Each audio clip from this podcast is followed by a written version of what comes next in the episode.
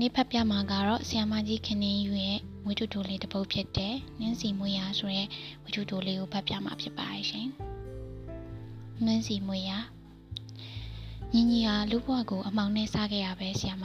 ။ညီညီဤဖခင်ဒီဆီယမပထမဆုံးရောက်တဲ့နေ့ကညီညီအကြောင်းကိုဤစကားနဲ့စားခဲ့နေသည်။သူ့ကိုတွေ့တဲ့အခါညီညီဟာဘလို့ကလေးလဲဆိုတာဆီယမသိပါလိမ့်မယ်။ကျွန်တော်သားကလေးပေါ်မှာဆီယာမဟာနားလည်နိုင်ပါစေ သိခံနိုင်ပါစေလို့ဆုတောင်းပါတယ်ဆီယာမကျွန်တော်ခြံဝန်းမှာတော့ဆီယာမပြောပါလိမ့်မယ်ခြံနောက်ဘက်မှာလည်းစမ်းကြောက်တစ်ခုစီးနေပါတယ်ကျွန်တော်ခြံဝန်းကိုလည်းလာကြည့်ပါဦးသိမဆိုးပါဘူး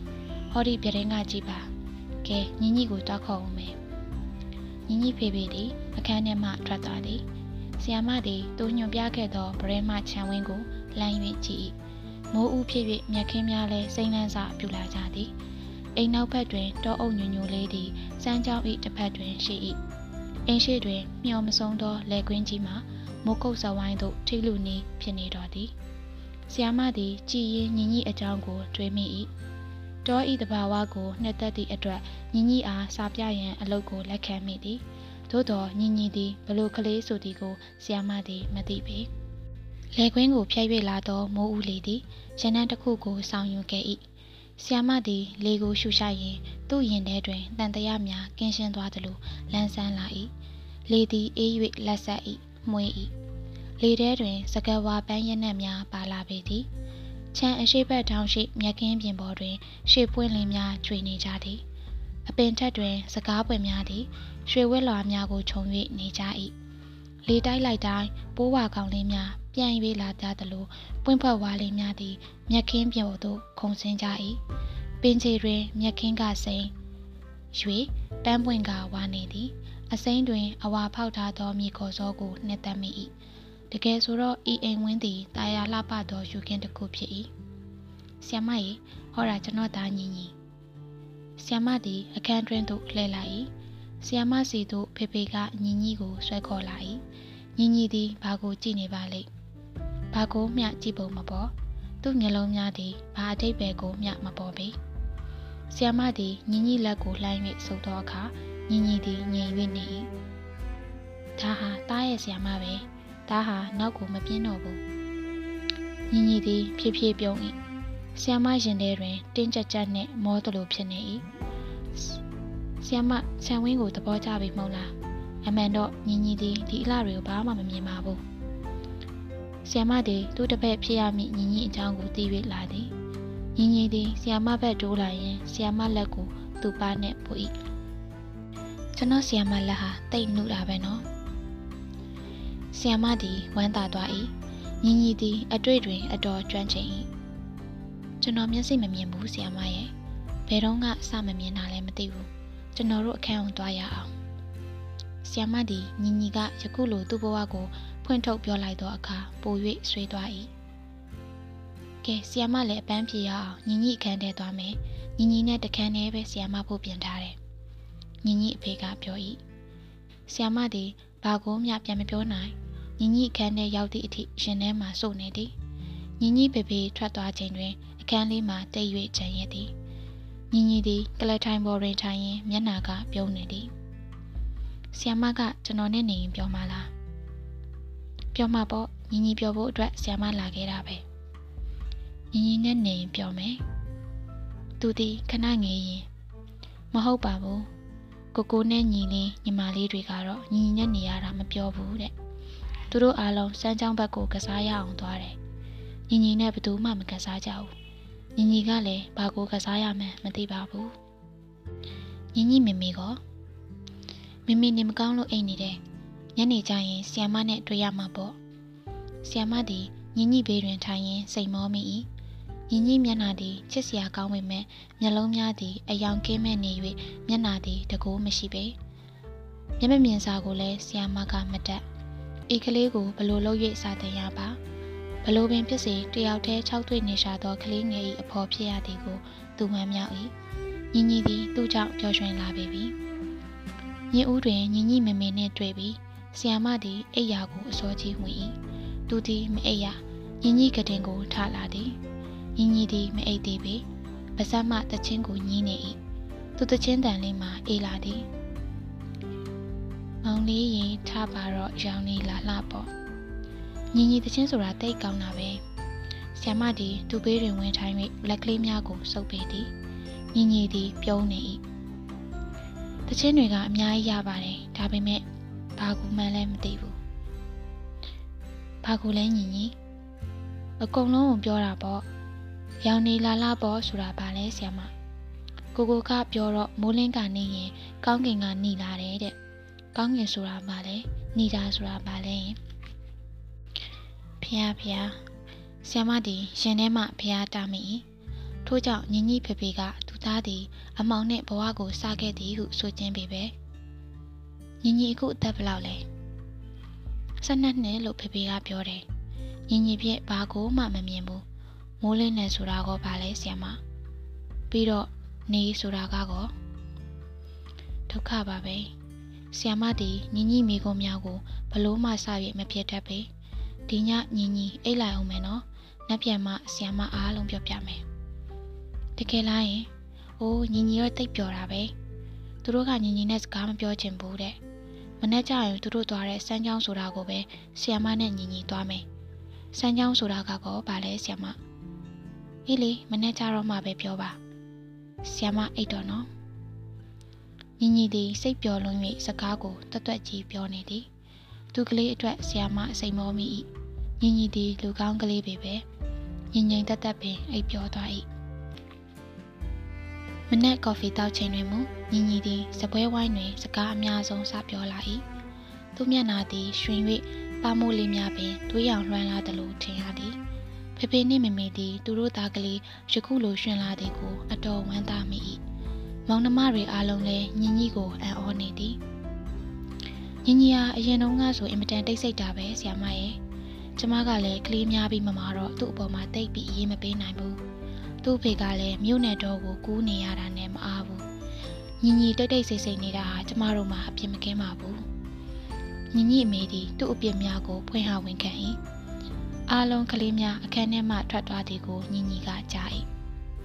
သူတို့သားကြပြီဆီယမညီညီတို့လည်းအပြင်ထွက်ရအောင်နော်ဆီယမသည်ညီညီခေါ်ရသို့လိုက်လာသည်သူ့ရင်ထဲတွင်ညီညီအတွက်အစီအစဉ်ကိုတီထွင်နေ၏သူမိဘများစာတင်ဖို့ခေါ်လာတော့လေ ယခုအိမ်ကြီးကိုရောက်ချိန်တွင် စာပေအကြောင်းကိုဘာကိုမှမပြောသေးပြီမမမြင်စာတင်ဤကိုမတက်ကြောင်းညီညီအဖေကိုဖွင့်ဟပြောပေမဲ့နဲ့ဘာမှမပြောကြညီညီပြောအောင်သာလုပ်ပေးဖို့ပြောကြ၏သူသည်နာနီလောက်ရမည်လားဘာကိုမျှမမြင်ဘူးဘာကိုမျှမသိတော့ကလေးစိတ်ကိုဘလို့ပျော်ရွှင်အောင်လုပ်ရပါစိတ်ဤပျော်ရွှင်မှုဆိုဒီမှာဘယ်ပေါ်မှာတည်ပါလိမ့် မြင်ချင်းအပေါ်တွင်တည်၍ရဲမိ၏ငိုင်မိ၏ငိုမိ၏ကြားချင်းကလည်းစိတ်နှလုံးကို ပြောင်းသေးသည်မဟုတ်ပါလောအတွေ့အထိများကကောဆီယမကောင်းထဲတွင် အလင်းရောင်သည်ဖြတ်ခနဲဝင်လာသည်ညီညီကိုတွေ့၍မြက်ခင်းပေါ်လျှောက်လာချိန်တွင်ဆီယမသည်ညီညီအတွက်နေသစ်တစ်ခုကိုတီထွင်လိုက်သည်ညီညီစကားပြောတဲ့ချင်းကပင်ဘဝမဆုံးသေးချောင်းကိုဖော်ပြနေ၏ညီညီနဲ့ဆီယမစကားဝပင်ကြီးအောက်ကိုသွားရအောင်နော် အခုနေလမ်းလျှောက်တော့ဆီယမတို့ဖနက်ချွတ်ထားရအောင်ညီညီသည်ဖနက်ကိုချွတ်၍မျက်ပေါ်နင်းလာသည်မိုးဦးကြဆပြုပေမဲ့မြက်ခင်းတွင်ရှုံများသိမ့်မရှိပေလေများသည်အေး၍ပန်ဝင်းကျင်သည်စိမ့်လန်းဆိုပြင်းလာသည်စကဲဝါပွင့်တို့သည်နဲ့မိုးဦးကိုကြို၍ပွင့်နေကြပေပြီတောအုပ်ဘက်စီမှလည်းမှား၍နေသည်ရှေ့လေကွင်းဘက်မှမူနေကြီးသည်နှွေးယုံဖြာကြနေသည်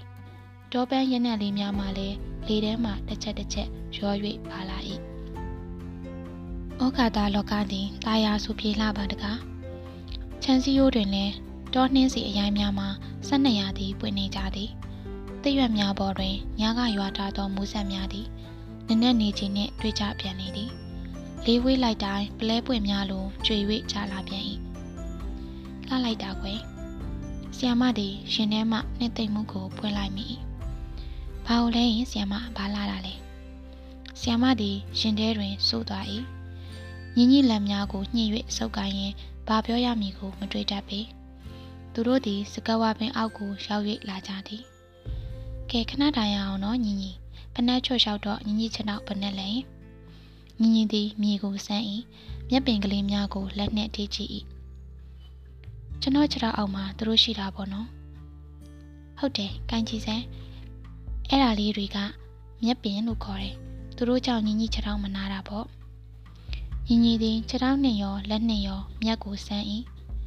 အရင်တုန်းကခြံထဲဆင်းချိန်တွင်ဖနက်ကိုအမြဲစီးထားရ၍သူသည်မျက်ပေ၏နူးညံ့မှုအတွေ့အထိကိုမသိပေမျက်ရွက်၏အရှိကိုဆွဲ၍ကြည့်ပြန်၏သူစိတ်တွင်မူမျက်ခင်းကိုဘာယောင်များစိုးကြည့်မြင်မသိပေ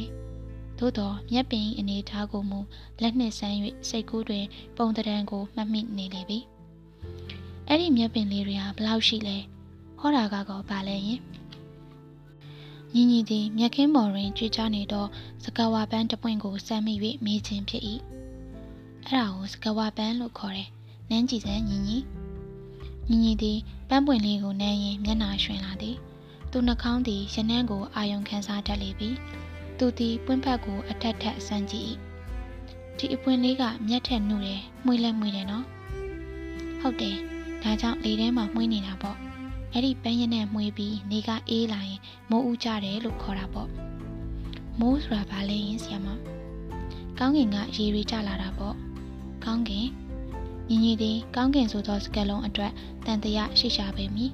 သို့သောသူသည်ကောင်းကင်၏အပြာဟုသော၎င်းစကားဝါပွင့်၏အဝါကို၎င်းဘလို့မှနားလည်လိမ့်မည်မဟုတ်ပေညီညီကိုစကားဝါပင်စီအောက်တွင်ရွှေ့ထိုင်ထားခြင်းတွင်မူညီညီသည်ပင်လုံးကိုလက်နှင့်ဆန်းကြည့်၏ဆီယမသည်ညီညီကိုထားခဲ့၍ခြံစည်းရိုးမှဒေါနှင်းစီပွင့်တပွင့်ကိုတွား၍ခူသည်ဆီယမသည်ပြန်လာ၍နှင်းစီပွင့်ကိုညီညီလက်ထဲထည့်လိုက်သည်သူသည်အတွေ့အသက်တစ်ခုကိုတွေ့ရပြန်သည် သူ့လက်များသည်နှင်းစီပွင့်နှင့်စကားဝါပွင့်ကိုရှင်၍ထက်ခါထက်ခါကင်ကြည့်၏ပန်းပွင့်လေးများသည်သူ့လက်ထဲတွင်ချိန်မွားလာသည်တစ်ဖက်ချင်းပွင့်ဖက်ရှိသောစကားဝါပွင့်နှင့်ပွင့်ဖက်အထက်များသောနှင်းစီဤတံကိုညီညီကစမ်းသပ်၍သိလင်ပြီနှင်းစီရနံနှင့်စကဝါရနံတို့ကိုလည်းသူခွဲတတ်သည်ခဏအကြာတွင်မိုးဖွက်ဖွဲရှာလာသည်ဆီယမသည်ညီညီကိုမိုးရွာရဲရှောက်စေခြင်း၏ညီညီပြန်စို့ ညီညီသည်ပန်းပွင့်များကိုလက်ထဲမှဆုပ်ထားသည်တစ်ပင်အောက်တွင် အထက်တွင် သူ့ကိုယ်ပေါ်သို့မိုးပေါက်များကျလာသည်ဟာဘာရီလဲဆီယမချိုးတဲ့ရေတွေလားဟုတ်တယ်အဲ့ဒါမိုးရေပေါ့ဆီယမကုနာပြောတဲ့မိုးရွာတယ်ဆိုတာလေကောင်းကင်ကကြာလာတာပေါ့ညီညီဖို့ယနေ့တွေ့သမျှမှာအထူးအဆန်းများဖြစ်နေသည်သူအိမ်ထဲရောက်ချိန်တွင်မူကလေးများသည်အိမ်ထဲမှာအော်ဟစ်ကစားနေကြသည်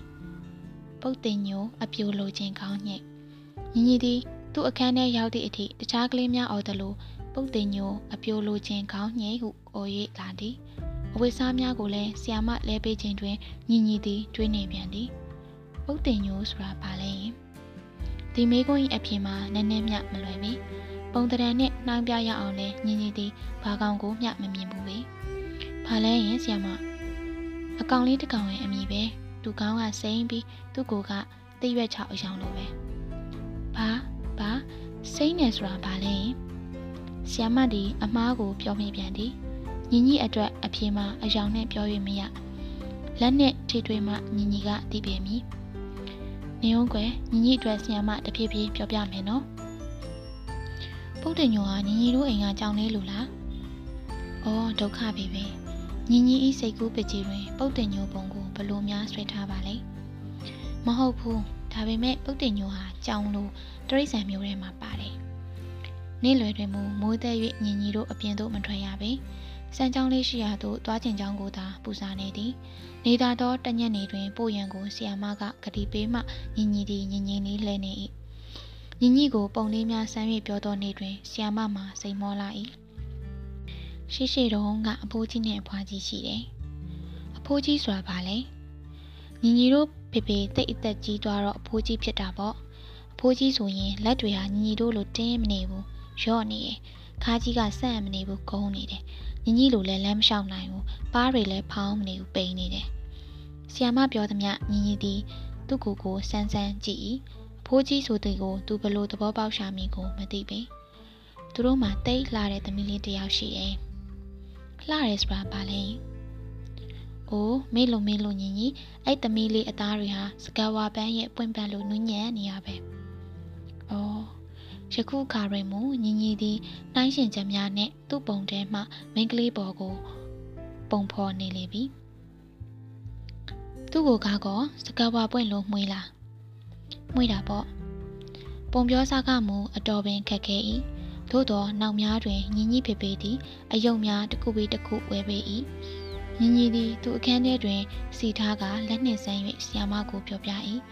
ပန်းပွင့်မျိုးစုံကိုလည်းကန်၍နန်းကအမျိုးအမည်ခွဲပြသောနေ့တွင်မူဆီယာမသည်ဝမ်းသာလာ၏ပုံထဲတွင်စင်ကြီးတစ်ကောင်ပါလျင်ညီညီသည်စင်ရုပ်ကိုဆန်း၍နားထောင်၏မင်းသမီးအကြောင်းပါလျင်မင်းသမီးရုပ်ကလေးကိုစမ်းကြည့်ရင်နားထောင်၏ပုံပေါင်းများစွာကိုညီညီကနားထောင်တတ်လာ၏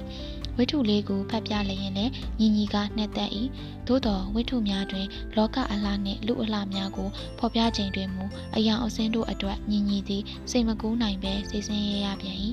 ထို့ကြောင့်ဆရာမသည်ဝိထုများကိုပြင်၍ညီညီကိုပြောပြရ၏နူးညံ့ခြင်းကြမ်းခြင်းမှွေခြင်းနံခြင်းအတန်တာခြင်းမတာခြင်းတို့နှင့်သာဝိထုလေးများပုံလေးများကိုတစားဆင်ရ၏ຫນွေဦးပေါက်ချိန် ဒုံကမူစမ်းချောင်းဘေးတွင်ညီညီသည်နှင့်သိမ့်နေ၏ရေစည်းတံကိုလည်းသူသိပြီးစမ်းရည်ကိုလည်းလက်နှင့်ထိကြည့်၏ရေဆက်သို့ဆင်းရသောအခါတွင်လည်းသူပြောလာသည်အုပ်အော်၏တချင်းဆိုတန်းတွင်ညီညီသည်ကြည်နူးလာတတ်သည်စမ်းချောင်းတစ်ဖက်ကိုကူ၍တောဆက်သို့သွားဆင်တွင်လည်းညီညီသည်သူ့ရဲ့ခြောက်ကလေးများကိုကင်ကြည့်၏တရွက်များကိုစမ်းကြည့်၏အမှန်တော့ရခင်ကလိုသူ့ဦးနောက်သည်ခြောက်သွေ့၍ဟင်းလင်းမနေတော့ပေပန်းပွင့်များရနက်များ စမ်းချောင်းတောအုပ်ငှက်ကလေးများအတန်ဖြင့်စိုးပြေရှင်လန်း၍လာသည်နောက်တစ်နှစ်စာအုပ်ပေါက်တွင်မူကရမတ်ရနက်များကိုပင်တူမှတ်မိနေလေပြီဆ iam မရေလေတွေကအေးရင်စကပန်းကလည်းမွေးလာပြန်ပြီမိုးကြပြီထင်တယ်နော်နောက်နှစ်မိုးဦးကြချိန်တွင်ညီညီသည်ယခုလိုပြောလာ၏ညီညီစိတ်လေးများသည်ခန်းစားတက်လာပြီးကောဆ iam မသည်ခြေနှက်ပျော်ရွှင်မိ၏ညီညီနှင့်ဆ iam မအတူနေ၍လေးနှစ် မြောက်သောနေ့တွင်မူတအိမ်လုံးအံ့ဩကြရပြန်၏ဖေဖေကျွန်တော်ညတုန်းကဝိထုရေးထားတယ်ဟေးညီကိုမောင်နှမများကညီညီကိုအယူလေးဟုထင်ကြ၏ဖေဖေကအံ့ဩ၍မမေမျက်လုံးကမူတောက်ပလာသည်သားဟာဝိထုရေးတတ်တယ်ဟုတ်တယ်အခုတော်တော်လေးရေးတယ်နောက်ဆိုရင်ဆီယာမဖက်ပြရဲ့ဝိထုတွေလို့ရှေးရှိရေးမယ်ဖေဖေဒီရှင်ထဲမှဖျားတာမိသည်ညီညီပြောတာဟုတ်သလားဆီယာမ ဟုတ်ပါတယ်ညတုန်းကသူ့ပါဇက်ကပြောပြတာကိုကျမကလိုက်ရေးပါတယ်ဒါပေမဲ့စားစီစာကုန်းပုံကရေးစားဆိုတော့နည်းနည်းလိုသေးတယ်စကားပြောသလိုပဲဖြစ်နေပါတယ်ဖေဖေတို့ကတောက်မယုံလားဆ iam မရဲ့အခန်းထဲမှာတွားယူပြီးဖက်ပြလိုက်ပါကျွန်တော်ရင်ထဲမှာအားလုံးရှိပါတယ်ဖေဖေပြီးတော့ကျွန်တော်ဝိထုဟာဆ iam မဖက်ပြတဲ့ဝိထုလေးတွေထက်တောင်စမ်းသေးတယ်မှန်ဤညီညီဝိထုတွေတွင်အယောင်နှင့်မြင်နိုင်သောအလှများမပါပြီ ကျွန်တော်အခုအသက်16နှစ်ရှိလာပြီဖေဖေမြင်သလိုမမြင်ပေမဲ့ကျွန်တော်ရင်ထဲမှာစမ်းကြောင်းလေးလည်းရှိတယ်ပန်းပွင့်တွေလည်းရှိတယ်ပုံတွေလည်းရှိပါတယ်ဖေဖေညီညီသည်ရခင်ကလိုမယုံမရဲအာရော့နေသောကလေးငယ်တစ်ယောက်မဟုတ်တော့ပြီကိုအမေကသိ၏ဆီယာမသည်ညီညီဝိထုတိုကလေးကိုယူလာ၍ဇပွဲတစ်ခုလုံးကြားအောင်အတန်းကျကျဖတ်ပြ၏အမြင်အာရုံမပါသောညီညီဤဝိထုကခရီးလန်းစင်ရဲ့လို့မရှိပါဘူးဘယ်မှာပါရှိရဲဆိုတာမသိတော့ဘယ်ကုန်းမှလည်းမသွားခြင်းဘူး ကျွန်တော်အနီးမှာရေစည်းတံတွေကြားနေရတော့စမ်းချောင်းသားမှာကျွန်တော်ရောက်နေရဲဆိုတာသိကြပါတယ်။တစ်ပင်ကြီးတစ်ခုရဲ့ပင်စီကိုမှီနေတော့ကျွန်တော်ကိုပေါ်တည့်ရက်တွေကကြွေကြနေတယ်။လေကလည်းခက်ဖြည်းဖြည်းတိုက်နေတော့ကျွန်တော်အသားတွေဟာအေးနေတယ်။ကျွန်တော်ခြေတံတစ်ခုကိုကြားရတယ်။လေထဲမှာလည်းနှင်းစီပန်းရင်ထဲဟာစုပ်ကျဲလိုက်တယ်လို့တပြိုင်နက်မွေးလာတော့ရင်ထဲမှာအေးသွားတာပဲ။အမွေးနဲ့ဟာကျွန်တော်စိတ်တွေကိုရွှင်လာအောင်လုပ်ပေးတယ်။ ခြေတန်းရှင်ဟာဒီနှင်းစီနန်းကိုယူလာတယ်ထင်ပါရဲ့ကျွန်တော်အနာကိုလာနေတာဘာတူလဲဗျာကျွန်တော်မေးလိုက်ရင်ပဲအတန်တကူဟာကျွန်တော်အနာကပေါ်လာတယ်သူ့အတန်ဟာအော်အော်ညက်တန်ထက်တာရပါတယ်ဗျာအေးပြီးတော့အတန်ဟာနှွဲလွန်းလို့ကျွန်တော်ရှင်နဲ့မောလှိုက်သွားတာပဲကျမမနှင်းစီပါမနှင်းစီอืมနှင်းစီရဲ့နန်းတွေကလည်းတိတ်မွေးတာပဲဟုတ်တယ်ကျမရဲ့တပတ်က နင်းစီပွင့်ရဲ့ပွင့်ဖက်တွေကိုဆက်ပြီးချုပ်ထားတာပေါ့ရှင်တယောက်တည်းဘာလုပ်နေလဲမိုးချုပ်လာပြီမိုးချုပ်တာကိုတော့မပြောပါနဲ့ကွယ်ကိုလောကမှာမိုးချုပ်တာနဲ့မိုးလင်းနေဆိုတာမရှိပါဘူးသူ့အတန်ဟာတိတ်သွားပြီးအသက်ရှူတန်ပြင်းပြင်းကိုကျွန်တော်ကြားရပြန်တယ်ရှင်ကမျက်စိမမြင်ပဲကိုဒီမှာပဲနေရင်မလားကျွန်တော်ကဘယ်ကိုသွားရမှာလဲလိုက်ချင်တယ်ဆိုရင်တော့စမ်းချောင်းကိုဖြတ်ပြီး ဟိုးတော့အုပ်ဘက်ကိုကျမသွားမလို့အတူလိုက်နိုင်ပါတယ်အတူကျွန်တော်ရှင်ထဲမှာတိတ်လှုပ်ရှားသွားတယ်ကျွန်တော်ဟာသူ့အတန်ကိုနှစ်သက်တယ်သူ့ကိုယ်ကအမွေးရနံ့မှလည်းကြည်နူးမိတယ်ကျွန်တော်နောက်ဆုံးသတိပြုမိတာကတော့သူ့နောက်ကိုတိတ်လိုက်ချင်တာပဲကျွန်တော်ကိုတွဲခေါ်ရင်တော့ခမည်းနောက်ကိုလိုက်ပြရစီလာပါလိကျမတွဲခေါ်ပါမယ်ကျွန်တော်လက်ကိုလာထိတဲ့အတွေ့ကဖြင့်နူးညံ့လွန်းလို့ကျွန်တော်ရင်ထဲမှာလိုင်းခတ်သွားတာပဲ ပန်းပွင့်ဖတ်တဲ့နူးညံ့ပါတယ်ကျွန်တော်သူခေါ်ရကိုလိုက်ရင်ခြေထောက်နဲ့ရေနဲ့တွေ့တဲ့အခါစမ်းချောင်းလေးကိုဖြတ်နေပြီဆိုတာသိရပါတယ်။ချောင်းဟိုဘက်ကိုရောက်ပြီးရှောက်လာလိုက်တာရေစည်းတံတွေကိုမကြားရတော့ဘူး။အဝေးကနေတိရွက်ကိုလေတိုးတံတွေကြားရတော့တောဟာတဖြည်းဖြည်းနီးလာပြီလို့သိပါတယ်။မင်းတို့အိမ်ရောက်လာပြီလားကွယ်။ကျမမှအိမ်မရှိဘူး။ဒီတောဆက်မှာနေတယ်။ မင်းမအိမ်ရှိတယ်ဆိုတော့အိမ်ဆိုတာဘာမှလည်းမသိဘူးလို့ကျွန်တော်ကပြောမိတယ်။ရှင်မောရင်ဒီမှာနားအောင်ပေါ့တောဆက်လည်းရောက်ပြီကျွန်တော်မြေကြီးပေါ်မှာခဏထိုင်နေတော့လက်ထဲကိုငပြောသည့်တစ်လုံးရောက်လာတယ်သူပေးတာပဲထင်ပါရဲ့ငပြောသည့်ရဲ့ရတာဟာအမေပေးတာတဲ့ကောင်းပါကလားလို့စိတ်ထဲမှာထင်မိတယ်သူ့ခြေတန်းကတော့ကျွန်တော်အနာမှာကြားနေရတာပဲကျမတပတ်ကိုခင်းပေးမယ်ဒီပေါ်မှာရှင်အိတ်နော် သူကကျွန်တော်ကိုတွဲခေါ်ပြီးအိတ်ခိုင်းတယ်ကျွန်တော်လှဲလိုက်တော့သူ့တပတ်ကလေးဟာပန်းမွေရာလေးဖြစ်သွားတယ်လေကလည်းအေးပန်းရနံ့ကလည်းမှုအိယာကလည်းနူးညံ့နဲ့စိတ်ဟာတိတ်ပြီးသားရတာပဲဖះဖះသူ့ခြေတံကိုကျွန်တော်နားမှာမကြားရတော့ဘူးသူပဲရောက်သွားပါလေ